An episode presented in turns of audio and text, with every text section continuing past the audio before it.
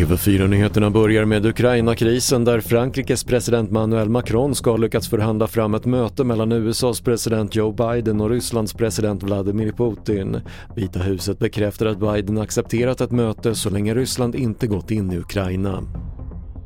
En kvinna i 90-årsåldern rånades i sitt hem i Malmö igår kväll efter att först ha blivit uppringd av falska poliser som varnade för stölden. En falsk polis kom därefter hem till kvinnan och stal smycken och bankkort och gärningsmännen ska senare ha tagit ut pengar med kvinnans kort.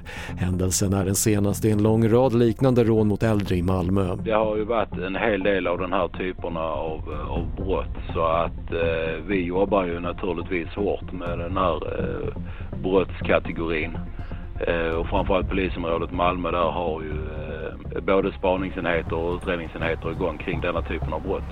Det sa Jerker Olsson på polisen. Och Dominikanska republiken har börjat det kontroversiella bygget av en mur mot grannlandet Tahiti. Muren som ska bli 16 mil lång sätts enligt myndigheterna upp för att hjälpa till att förhindra illegal invandring, smuggling och brottslighet. Fler nyheter hittar du på TV4.se. Jag heter Patrik Lindström.